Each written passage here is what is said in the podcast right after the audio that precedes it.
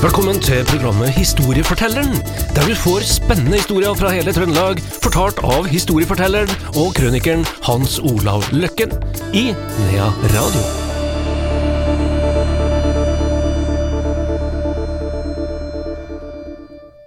Historiefortelleren her i Nea Radio er tilbake. Hans Olav Løkken, velkommen. Jo, takk. Vi, eh, ja, nå skal vi til, til Holtålen kommune. Vi skal ned i Svølja. Jeg tror jeg var, jeg var bare tre år jeg, når denne episoden her skjer, så jeg husker jo ingenting av det. Men du skal fortelle om ei ganske så tragisk ulykke. Ja, den er tragisk, og eh, den er tragisk på eh, mange måter. Eh, og vond på mange måter. Og også litt sånn ukjent her, at, for det var et Widerøe-fly. Men altså, vi skal helt tilbake til, til, til 2. mai i 57. Og så begynner han liksom å legge sammen, ja, men Widerøe de begynte jo for fullt på 60-tallet, etc. Nei, de gjorde ikke det, de begynte jo før krigen og Widerøe, da. Og eh, det som det, Vi begynner med begynnelsen på han som da er ansvarlig for det her, da, altså den piloten som flyr, som het Olav Reksen. Og Reksen, det er De kommer vel opprinnelig fra noen øyer ut med Hitra, tror jeg, men det var jo lærerpar som kom til Lånke, da, eh, og Lånke ligger jo ved Værnes flyplass, da, altså i Stjørdal kommune. Som var lærere der, og etter hvert så, og der vokste jo han her eh, Olav oppå, da, og, men de flyttet jo etter hvert til Åfjorden, og var veldig engasjert i det kristne miljøet og drev vel noe sånt der ute i Åfjorden òg. Så han Olav eh, Reksten, han, han bor jo eh, i nærheten av en flyplass, og det er jo mange av de som har bodd rundt en flyplass som plutselig havna inne i luftfarten. Så han var med på det første flykullet i moderne tid etter krigen, hvor vi da laga en ny utdannelse for militærflyvere, og som er den samme den dag i dag.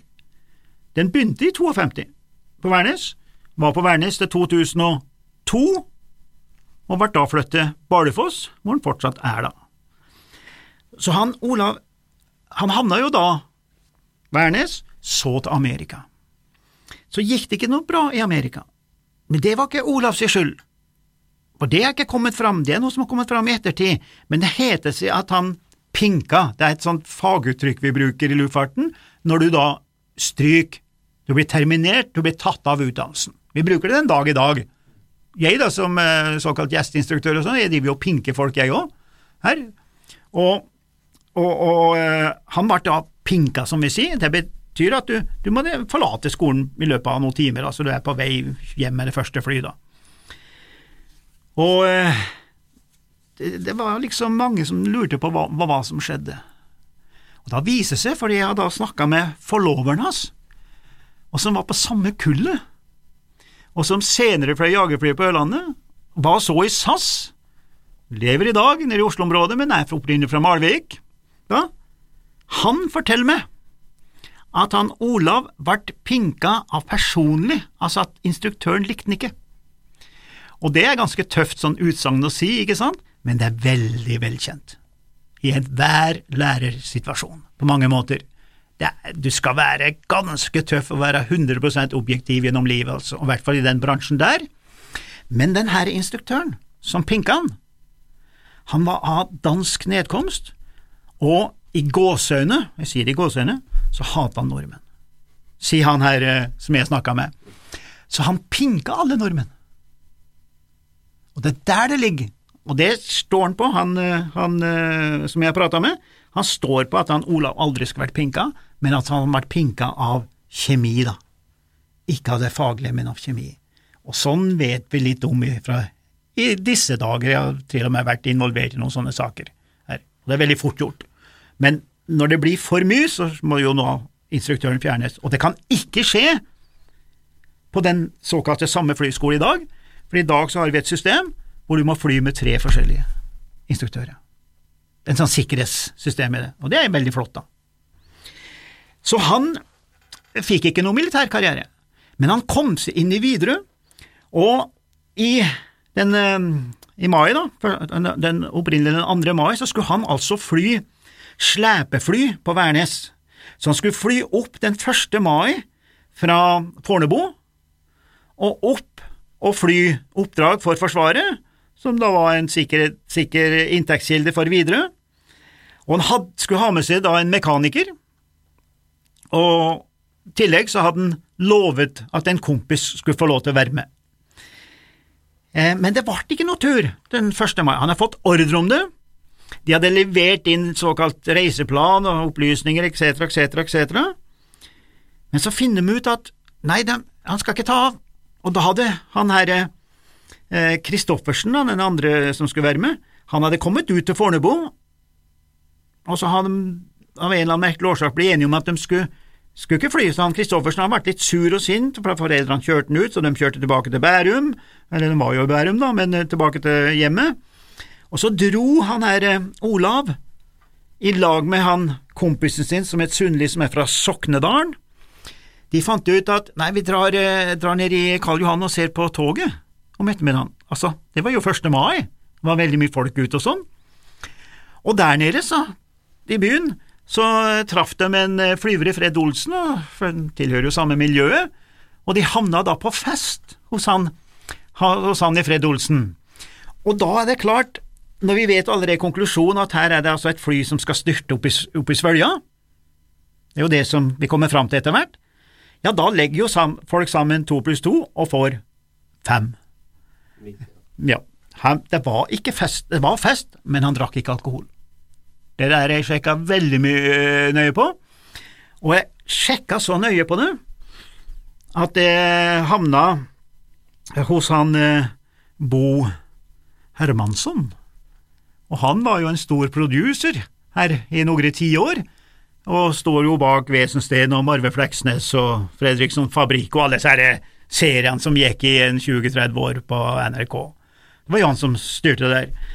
Og han, det var kjerringa hans var jo med på den festen, har jeg funnet ut, og spora han opp, og han var veldig trivelig, sendte mail opp med og ringte og alt mulig sånn, og bare for å, sånn, å dokumentere at det var ikke alkohol, med, og, det, og det er godt for familien å vite, ikke sant, for det er jo ofte sånn vi tenker, i og med at det er fest.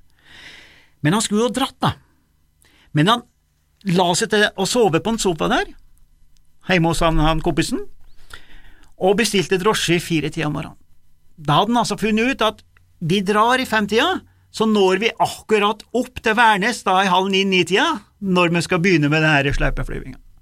Her ser du at nå begynner noen sånne dominobrikker å falle. Her.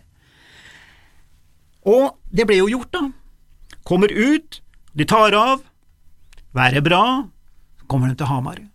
Begynner det å bli dårlig, så eh, de flyr forbi Hamar. Da blir det så dårlig at de må snu, de må begynne å tenke drivstoff. Lander på Staffsberg. Tidlig, tidlig om morgenen, i sekstida, så måtte de vekke han i tårnet der, da. Hvor er det? Det er ved Hamar. Det er en, en lita stripe der, den er fortsatt i eh, aktiv bruk, den stripa. Og da måtte de bort på en gård der da, og, og vekke han en sånn flygelederassistent som var sendt opp fra, fra Fornebu, som uh, hadde sånn deljobb der oppe, for å hjelpe til med vær og vind og sånn. Det var ikke bare å ta en mobiltelefon. Og de sjekka vær og herja og sto i, og satte av gårde nordover. Og de kom jo uh, forbi de enkelte stasjonsbyene oppover, der, og været ble vel dårligere og dårligere, og han skulle vel ha snudd da. Her er det litt spørsmål om sånn airmanship, som vi sier da. Men husk på, han hadde ordre om å ha dratt dagen før, fra sjefen sin om Bårstad. Eh, Han hadde tatt med en tredje om bord som ikke var registrert. Ganske alvorlige saker, det, ikke sant? Her. Og han skulle, og må være der om tre timer. Tre-fire timer, så må jeg være på Værnes, for venter, da skal vi begynne med det store oppdraget som Widerøe hadde kontrakt med. da. Så han pressa seg sjøl og sin intelligens og hele greia. Så kommer den forbi Røros, begynner å virkelig bli pressa ned, og han lurer på skal han fly mot Tydalen, eller skal jeg prøve å komme ned Gauldalen. Og han valgte å gå ned i Gauldalen, og da var det så dårlig vær at han var omtrent nede på veien. Så jeg har jo snakka med noen av de vitnene der oppe, da, og snakka jo med en eh, Dagfinn Brattås, da, som bor i den veien som går oppover mot uh, Hestsjøen der, eh, mot Hessdalen, mener jeg, og han husker at han sto og så på det flyet, altså. der, og, og, og, og over, ovenfra, da. Og så, det de ikke var klar over, de visste jo at det var trangt oppi der, men de var kanskje ikke klar over hvor trangt det er med svølja. Du kommer ned, men det skal utrolig mye å komme opp igjen hvis du må snu der, og det var jo det som skjedde. De kom rundt den der svingen, nå er det jo tunnel der oppe, kom rundt, og så fikk de ei byge midt i fleisen. Og dette er jo en liten Cessna 170, ikke instrumentutstyr på, som de må fly visuelt og vite til enhver tid hvor terrenget er hen. Og han kaster da flyet rundt, men de jo, det er jo mindre krefter på en symaskin. Så han hadde jo ingen sjanse, og det begynner vel å ståle det flyet ut og sånn, og så kom han borti en liten uh, lite tre noe sånt som sto der, og, og, gikk i bakken da. Og da stansa det ei klokke på en av de som var med om bord, så vi vet nøyaktig tidspunktet når det skjedde. Og, og uh, det var jo en forferdelig tragedie, vet du, Der, og, og, og, mye som skjedde rundt det her. Og han, eh, de omkom jo, alle tre, selvfølgelig, med, og jeg har jo vært hos familien, jeg har sporet opp familien og prata med dem, og så videre og så videre, da. Og han hadde da hatt et forhold med ei jente der nede, som de hadde en sønn i lag, blant annet, han i Bærum.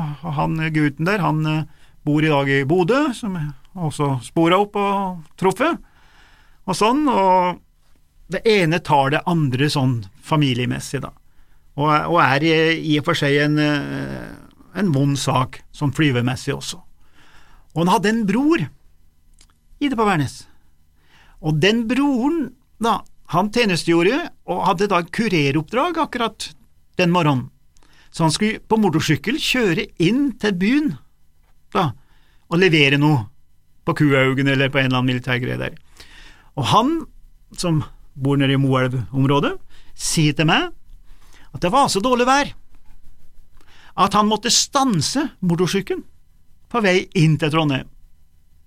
Sånn at hvis jeg legger sammen to pluss to og får fem, da, så kan jeg tenke kanskje som så at ja, han har kanskje kommet forbi Gauldalen, men han har kanskje ikke kommet fram likevel, for det var så dårlig vær. Han hadde alle odds mot seg. Ja, det var Svølja.